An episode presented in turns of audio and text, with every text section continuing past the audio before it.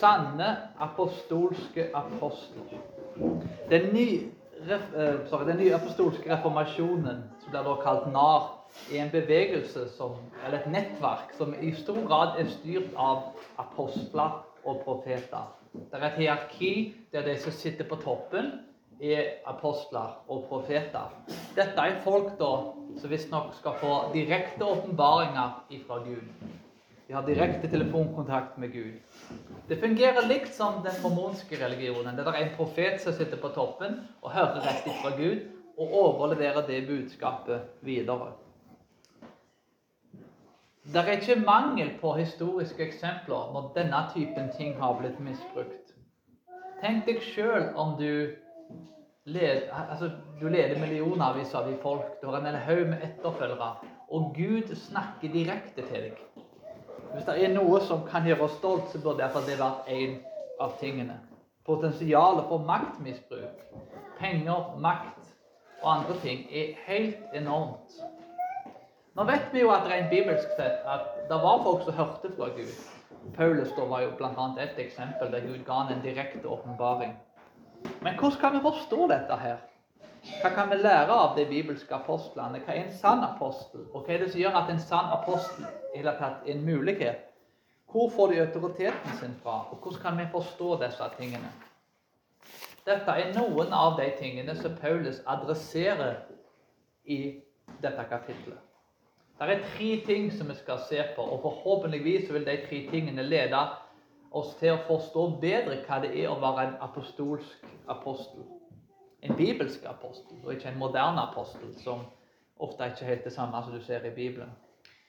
Det første er at Gud er apostelen sin dommer. Han er min dommer, han er din dommer, men han er også apostelen sin dommer. Det er fra vers 1 til 5. Nummer to apostelen går ikke forbi det som er skrevet i Skriften. Det er vers 6-7. Og det tredje er offeret og lidelsen til apostlene. Disse tre tingene vil vise oss hva det betyr å være en apostel. Paulus legger fram her et forsvar for sin apostolske tjeneste. da, og Han fikk en viss kritikk av folk. Hvem var han som kunne komme og fortelle folk hvordan de skulle leve, hva de skal gjøre? Han måtte forsvare seg sjøl. Han måtte legge fram et forsvar. For det var folk i menigheten som ikke likte Paulus vanskelig å tro at er noen som ikke likte Paulus, men, men det er folk i dagens kultur som mener Paulus er en fæl fyr, undertrykkende og, og, flere andre ting. Så det er ikke noe uvanlig at folk reagerer på Paulus. Det er plenty av folk både i Korint og i dagens kultur som gjør det. Men med det i minne, så la oss hoppe inn i teksten. Nummer én. Gud er apostelen sin dommer. Vers 1. Så la da enhver se på som Kristi tjenere og som husholdere over Guds mysterier. Paulus refererer til seg selv som en Kristi tjener. Han fortsetter som tidligere. Diakonos er ordet som ble brukt. En tjener som forvalter huset, var ofte en slave. Paulus er jo da en gudstjener som ikke da forvalter et fysisk hus, men som forvalter det åndelige huset til Gud. Så han bruker den typen bildebruk for å vise oss at dette åndelige huset til Gud må også forvaltes. Mysteriet er en henvisning til evangeliet som Gud har åpenbart det for. Og Paulus forklarer nå hva dette mysteriet innebærer. Paulus ser på seg selv som en tjener i dette huset, der vi har sett tidligere fra forrige kapittel at Jesus Kristus er fundamentet. Mens huset ble bygd videre, bl.a. på apostlene, profetene og, andre. I vers 2 så ser vi at det viktigste for en husholder er å være trofaste. Se for deg sjøl hvis du skulle satt noen inn til å forvalte din økonomi. Noen skulle gått inn i, i penge, pengeboken din eller i, i, på kontoen din, hatt tilgang til kortet ditt. Du måtte ha tillit til dem. Du måtte stole på dem nesten 100% Hvis noen skulle styrt din økonomi, dine private eiendeler. Dette var den viktigste kvaliteten da, til en tjener, en slave i Romerriket. Det å være troverdige og, og var en ærlig og en bra person. Forholdet mellom mester og herre var basert på tillit og troverdighet. Og Paulus påpeker at det er et krav at husholdere må være troverdige. Og hvor mye mer må en åndelig husholder være troverdige hvis da en, en slave eller en tjener i et fysisk hus må være troverdige. En husholder er troverdig, og det må Paulus være hvis han skal forvalte Guds hus. I vers 3-4 så betyr det lite for Paulus at han blir dømt av dem, eller til og med av en menneskelig domstol. Han er heller ikke sin egen dommer, så verken menneskelige domstoler, uheldige folk i Korint eller Paulus sjøl har rett til å dømme seg sjøl. Den som dømmer Paulus, er Herren Jesus Kristus. Paulus virker til å si at han er i et tillitsforhold til Gud, og den personen som har tillit til Paulus, og som Paulus har tillit til, er Gud. Og dermed er det Gud som har rett å ham. Korinterne er, som har lest tidligere, ikke de mest hellige folkene. Hvordan kunne de dømme han hvis de ikke hadde sitt eget hus i orden? Hvis ikke deres egne liv hadde et snev av hellighet? Hvordan kunne de komme til Paulus, den store apostelen, og komme med pekefingeren? Kanskje de ikke hadde et tillitsforhold til Paulus, noe som virker ganske åpenbart her. Det er mange ting vi kan lære av dette her. og Én ting er det at det finnes åpenbare unntak, og det er ulike former for kritikk i et samfunn. Men den aller beste kritikken kommer som regel fra folk som en har tillit til. Jeg husker en historie fra, fra England der uh, jeg har, vet ikke om dere har lest boka hans, men en, en homofil aktivist som heter David Bennett. Og Han er veldig aktiv i, i den homofile verden og, og levde ut den legningen. Ble kristen og, og, og valgte å leve sølibat i etterkant.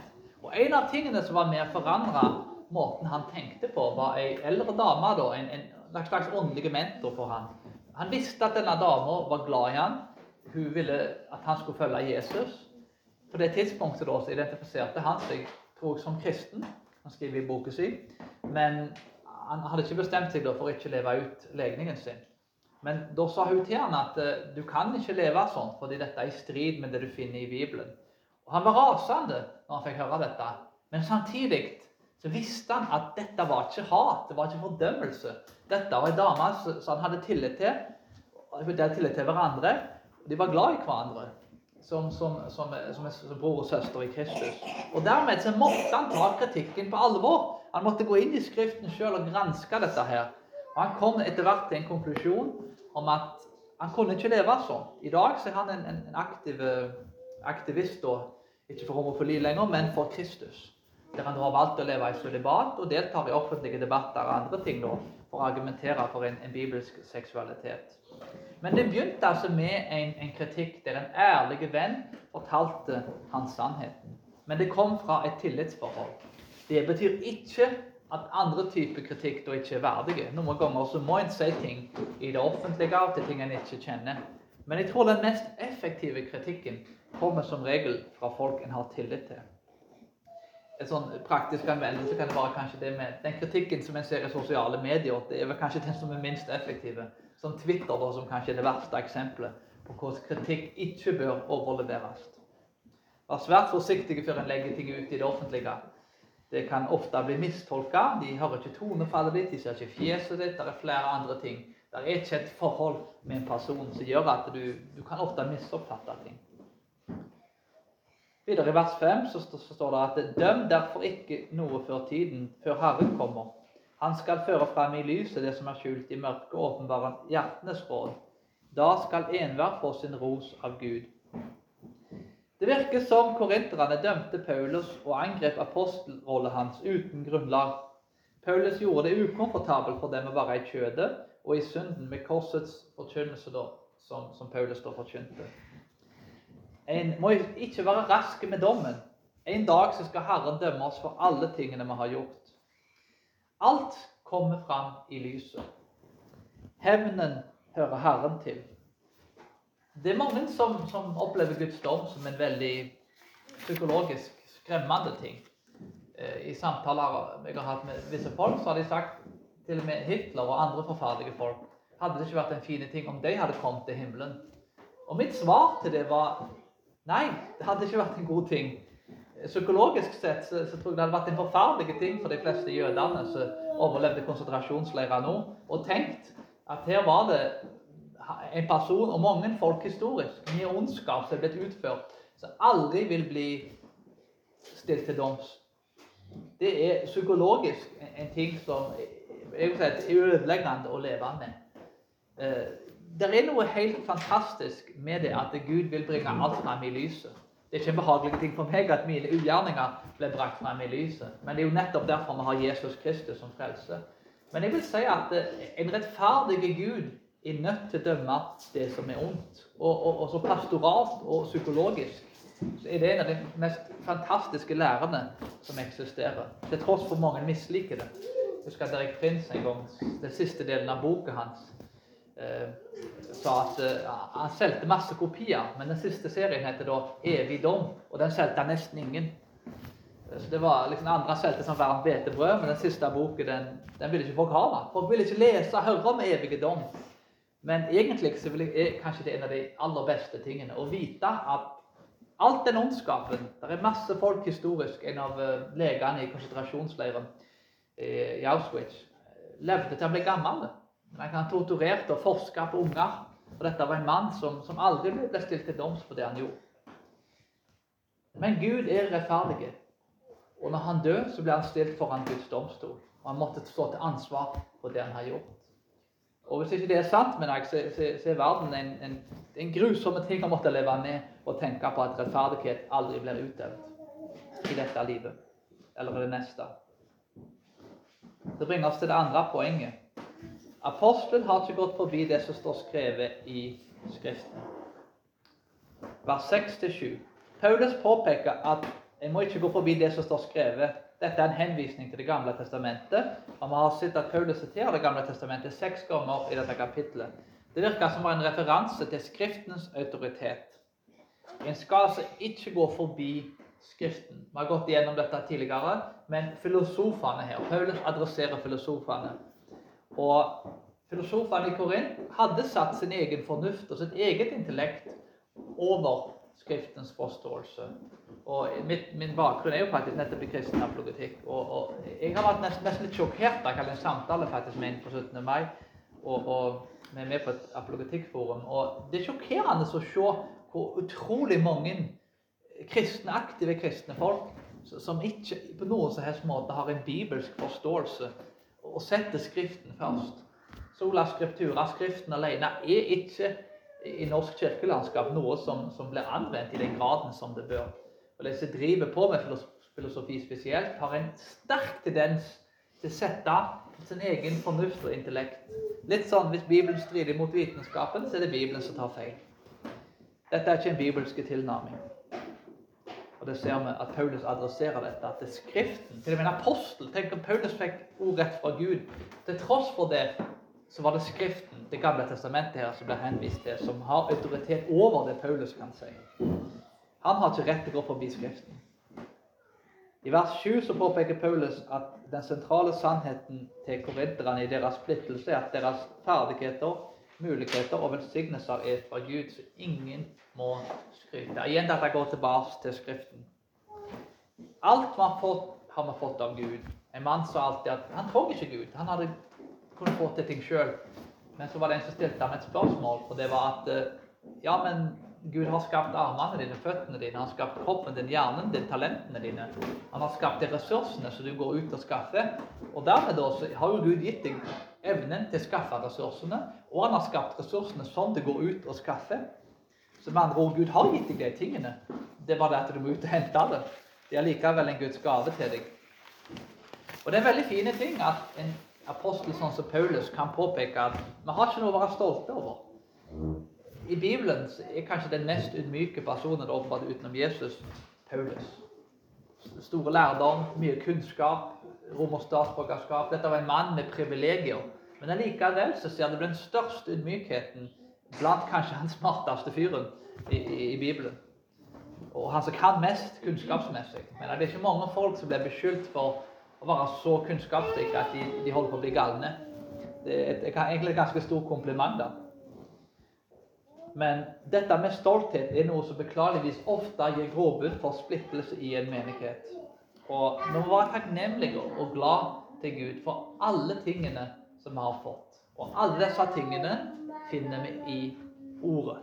Alt må underordnes Ordet. Vi må gå tilbake til det som et sterkt fundament.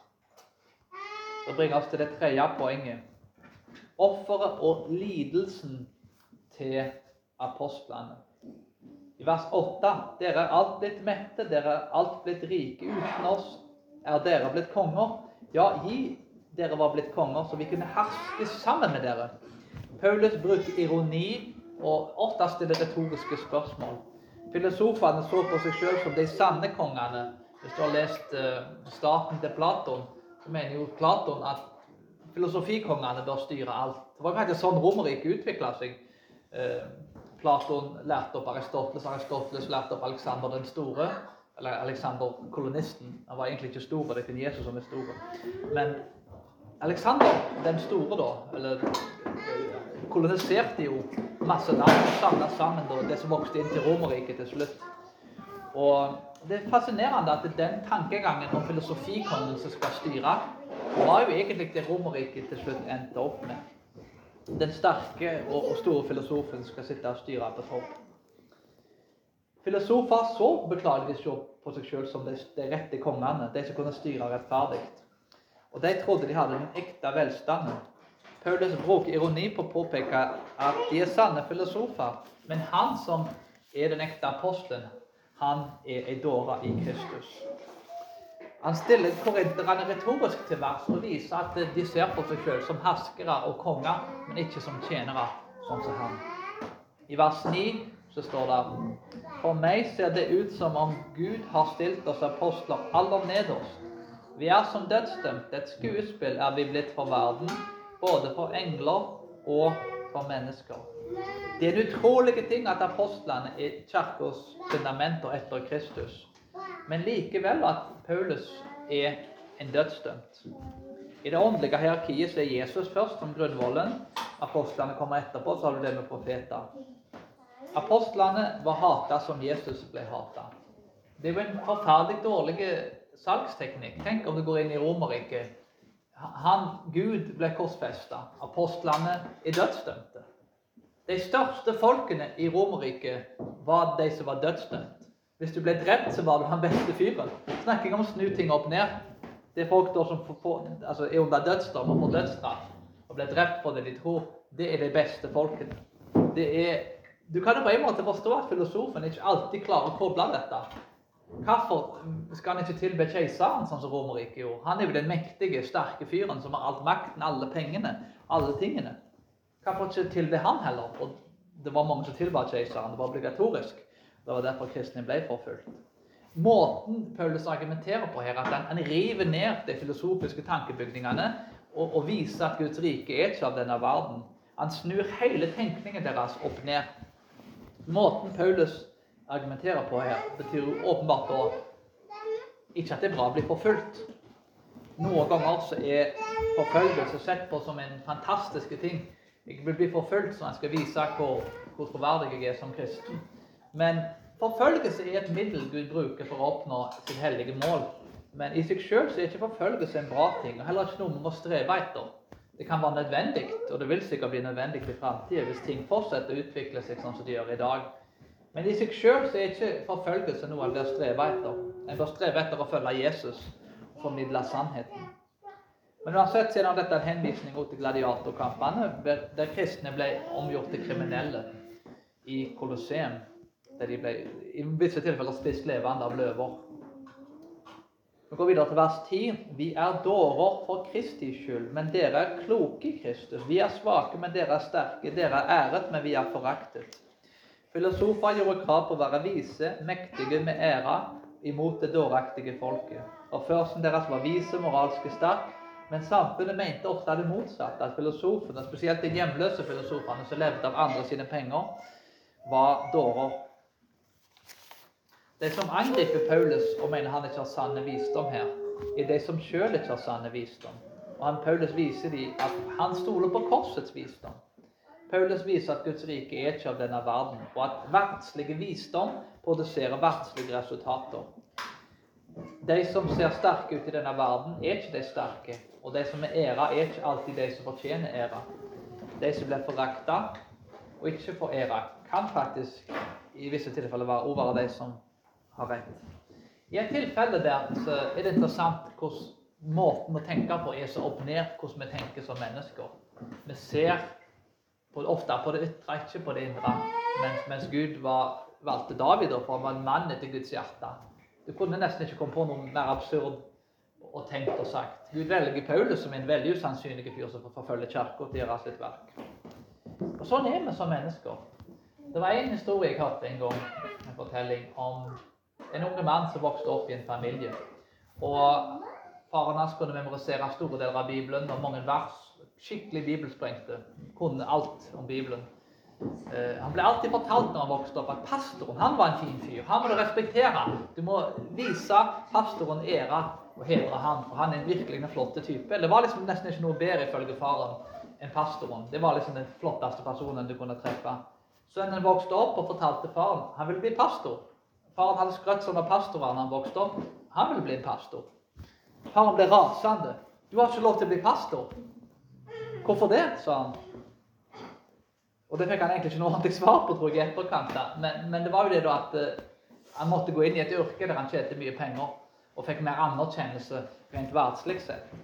Faren kunne Bibelen, var veldig glad i pastorer, men sønnen hans skulle ikke bli pastor. Andre folk skulle bli pastorer, men ikke hans sønn.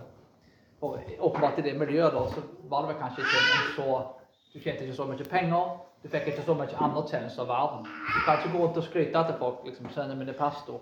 Og i mange miljøer så er det sånn. Kanskje ikke i Norge, for folk i dag bryr seg om hva en velger å gjøre. Men i de miljøene da, så, så, var det en veldig fin ting å være en pastor, så lenge ikke dine unger var det. Og det er noe med det å søke de tingene som er av Gud, og tenke på en bibelsk måte, både i ord og handling. Og Her ser vi veldig fort hvordan den måten Paulus tenker på, er så totalt i strid med hvordan Romerriket var, og hvor mange i dag som tenker motsatt av det som står i Skriften, til tross for de kanskje kan Skriften utenat. Er vi villige til å bli forakta og være dårer for Kristi skyld? Og når vi forteller sannheten, så bør vi gjøre oss klart til å forvente motstand når vi tar et ståsted. Vi bør ikke forvente at vi skal bli klappet på skulderen. Dette var skikkelig flott.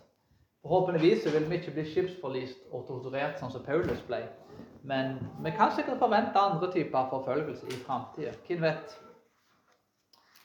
Vers 11-13 så har Paulus en veldig effektiv salgsteknikk. Det er skikkelig kult å være en apostel. Du skal bli rik, du skal få masse penger, mektige og alle disse tingene. Nei, det var ikke det han skrev. Uh, ditt beste liv nå. Nei, Paulus har en salgsteknikk. Vil du bli en apostel? Vi var sultne, tørste, nakne, mishandla, hjemløse. Vi sliter arbeid med våre egne hender. Vi blir utskjelt, vi velsigna, blir forfulgt, og vi tåler det. Det hadde vært en god bok. Ditt best, verste liv nå. Det hadde kanskje vært en bedre tittel på den boken.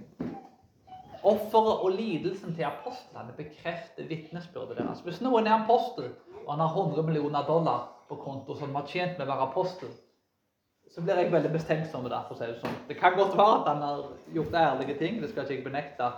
Men jeg må si at jeg i det minste da, må stille en del kritiske spørsmål. Og det er ikke sånn at en apostel eh, trenger å eh, være fattig, sånn som Paulus var. Altså, nå er det jo ikke apostler i dag, sånn som det var på Bibelens tid. Dagens apostel vil jo være en person som blir utsendt, og kanskje mer en misjonær. Jeg vil ikke bruke ordet apostel i, i moderne forstand engang, for det er en helt annen ting. Men eh, det er altså et helt annet budskap som Paulus har her. Og det gir jo vitnesbyrdet. Det gjør det større når en person går gjennom alt dette her. Tenk Paulus som hadde den framtida foran seg.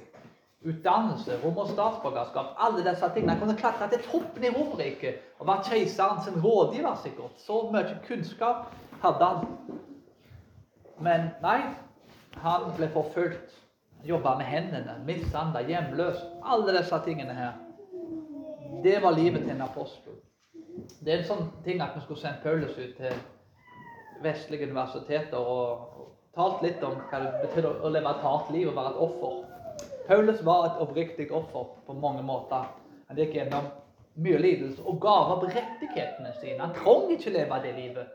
Det var ikke det alternativet han hadde. Han kunne levd sitt beste liv nå hvis han hadde vilt. Men han gav det opp frivillig. Noe som du ikke kan forklare uten at Gud har berørt ham. Det, går imot sunn fornuft.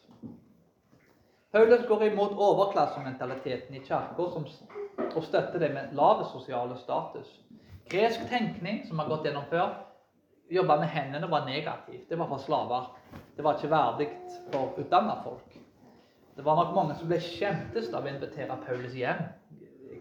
Det står ikke noe vers om det konkret, men jeg går vel ut ifra det at han jobba med hendene. Her har du en, en, en sånn filosoftype apostel som jobber med hendene. Han har skitne hender, liksom. Det, han, han, han, er ikke av vår sosiale klasse. Han ekskluderer meg. Paulus viser at det var en sann og ekte filosof for Kristus i å bli forfulgt og baksnakka, men å tåle dette for Kristi sin skyld. Vers 13. Vi blir håna og formanet, vi som utskudd i verden og som avskum fra alle, helt til denne stund. Det er en utrolig saksteknikk. Paulus gjør en glimrende jobb med å selge dette med å være en apostel. Forunderlig ofte å se hvordan dagens apostler kanskje ikke har lest 1. Korinterbrev kapittel 4. Filosofene tenker at den lave klassen er søppel. Paulus viser at han sjøl identifiserer seg med de med lav status. Han er der på bakkenivå og syr telt og jobber sammen med de med nevene for å vise at han er en person som er likestilt med de andre. Han er der som en tjener, ikke som en hersker. Og Hvis du tenker på dette rent menneskelig Vi tenker kanskje i norsk sammenheng at det er ikke sånn i dag. Et forholdsvis ikke sånn klassedelt samfunn i Norge. Men historisk sett så, så, så, så, har det ikke vært sånt. Det er ganske nyere ting. Dette at Klasseforskjellene har vel blitt mindre, iallfall sånn som i Norge. I England gjennom hele historien så har den rike diskriminert mot de fattige. Det er sånn typisk engelsk problem som alle engelskfolk kan fortelle deg om. Eh, du har til og med mange der sier at det med Martin Lloyd Jones og John Stott. Martin Lloyd Jones kom jo, han var en stor forkynner og kom fra fattige kår, mens John Stott, som også var en veldig stor forkynner, kom fra mer rik familie. Og det kom ikke overens kan du si, for dialekten, måten du snakket på altså Den klasseforskjellen Mange mente at det var det som gjorde at de ikke klarte å komme seg veldig godt overens. Eller i hvert fall bedre overens enn de kunne ellers hadde gjort. Det var pga. klasseforskjellene deres. I Amerika så ble dette overført til rase. Da var det de hvite mot de svarte. Og de rigga systemet da til fordel for seg sjøl. Og i alle samfunn i historien så har det du trenger ikke ha rase involvert i det hele tatt. Folk har diskriminert mot klasser som ikke er sin egen. Folk som er utenfor sin klan. Sånn er det. Det Paulus argumenterer for her, er, altså, det er guddommelig. Det er noe som, Du kunne ikke kommet på det der på egen hånd. For det er så i strid med menneskets, hele menneskehistorien i omtrent alle sivilisasjoner som har eksistert.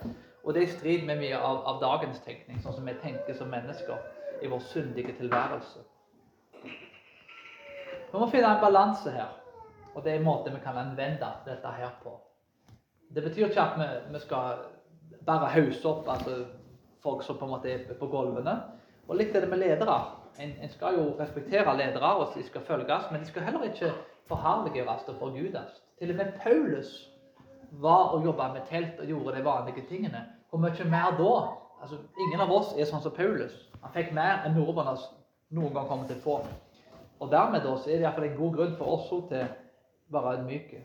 Som mennesker så har vi en tendens til å følge mennesker som har enorme talegaver, som er karismatiske, og ikke ledere som er ydmyke, sånn som Paulus er. Vi ser etter ledere som leder på en måte der Guds rike er av denne verden. Og Paulus argumenterer for det motsatte. En annen ting til å ha i minne er at store kirker er ikke nødvendigvis alltid sunne kirker store ledere er ikke nødvendigvis alltid gode ledere. Det kan være det. Jeg har vært i mange gode kirker som har vært gode kirker. Veldig kjente ledere som har vært ydmyke, sunne og gode ledere. Noen ganger så er jo åpenbart det tilfellet at kirker kan være store. Ledere kan være kjente, og det kan være en bra ting. Men det er ikke alltid en bra ting. Det var en som ble nevnt i intervjuet jeg hadde med han, Olaf Engstøl, var at Paul Washer han deltok aldri på konferanser. En grunn til det når Paul Warshaw forkynte, han, så, så, var han skurken. Når Mark Driscoll forkynte, så var Mark Driscoll helten. Veldig tankevekkende ting for meg når jeg snakker med han. Paulus, den største apostelen, argumenterer på en måte og er på en måte som, som Han er mer ydmyk enn noen, til tross for han har grunnlag til egentlig å være mye mer stolt enn folk. for Han har fått så mye mer. Utrolige ting å, å se Paulus i, i aksjon her. En sann bibelsk apostel, en sann apostolsk apostel, Vi må ha i minne at til og med de bibelske apostlene var ikke større enn at Gud skulle dømme dem. Og dagens misjonærer og de som blir sendt ut, som ikke er apostler, som du ser i Bibelen, vil bli dømt. De blir bedømt av Gud. Det andre er at en apostel i Bibelen og dagens misjonærer og ledere er bundet av Guds ord. Du kan alltid utfordre ledere, samme hvor store navnene er, og så kan du si det står skrevet. Det står skrevet i Guds ord, og hvis du taler imot det, så er det Gud som har rett, og du tar feil. Nummer tre se på måten folk lever på. Se på offer og lidelsen og livet til ledere. Nå er det ikke sånn at en, en, en skal leve i fattigdom, og det er den eneste måten, verdige måten. Litt sånn gammel pietistisk vestlandsholdning var liksom Du skal nesten dø i jungelen liksom, og fått malaria og virkelig altså, Hvis du ikke var nesten død liksom, i kanoen og nesten drukna to ganger, da hadde du liksom ikke vært en ordentlig misjonær. Og Det er ikke sånn at vi skal søke disse tingene, men, men det skal være en viss troverdighet med livet og måten en lever på, til en leder og, og til apostelen. Og Det ser vi åpenbart i Paulus sitt liv. Og Paulus sier jo 'imiter meg'. Vær sånn som meg.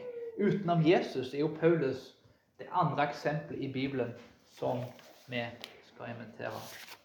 Så Når vi tenker bibelske apostler, så kan vi ha de tingene i minne og bruke disse tre kriteriene kanskje for å tenke litt hva det betyr å være en apostel. Og Det er viktig å huske på at Paulus, til tross for hvor stor han var, så var Paulus òg en synder som skulle under Guds domstol. Og det er Jesus Kristus, ikke Paulus, ikke apostlene, som er kirka sin grunnvoll. Det er i Kristus sin nåde apostlene hvilte. Dette er gode nyheter. At apostlene, som var så hellige, var like avhengige av Jesus sitt blod på korset og av nåden som han ga, og de ferdiglagte gjerningene til Kristus. Det er virkelig en gode nyheter. Takk og pris for at vi kan hvile i det som er blitt gjort for oss, og hvile i Kristus. For det han har gjort, og ikke det vi eller apostlene kan gjøre. La oss be. Himmelske Far, takk for alt du har gjort for oss.